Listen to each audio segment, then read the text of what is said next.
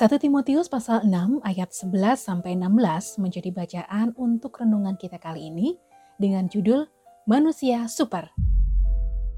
1 Timotius pasal 6 ayat 11 sampai 16. Tetapi engkau hai manusia Allah, jauhilah semuanya itu.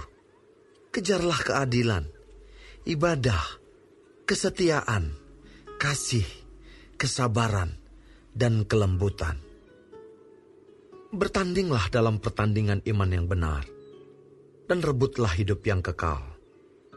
Untuk itulah engkau telah dipanggil, dan telah engkau ikrarkan ikrar yang benar di depan banyak saksi.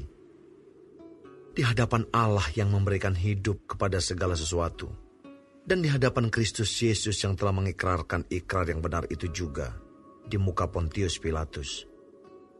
Kuserukan kepadamu, turutilah perintah ini dengan tidak bercacat dan tidak bercela, hingga pada saat Tuhan kita Yesus Kristus menyatakan dirinya, yaitu saat yang akan ditentukan oleh penguasa yang satu-satunya dan yang penuh bahagia, Raja di atas segala raja, dan Tuan di atas segala Tuan. Dialah satu-satunya yang tidak takluk kepada maut, bersemayam dalam terang yang tak terhampiri Seorang pun tak pernah melihat dia, dan memang manusia tidak dapat melihat dia. Baginyalah hormat dan kuasa yang kekal. Amin.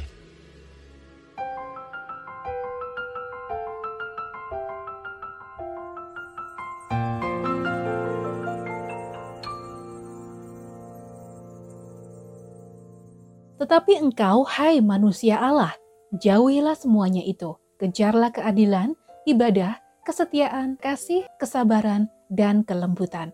1 Timotius pasal 6 ayat 11.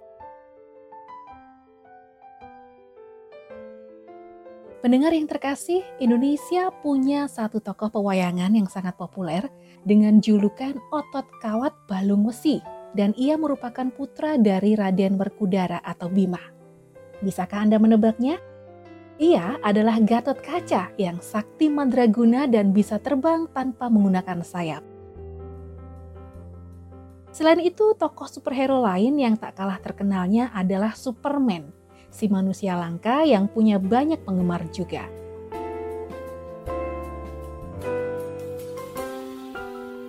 Pendengar yang terkasih, Melalui bacaan kita saat ini, Paulus juga ingin memperkenalkan manusia yang memiliki kekuatan super yang disebut manusia Allah.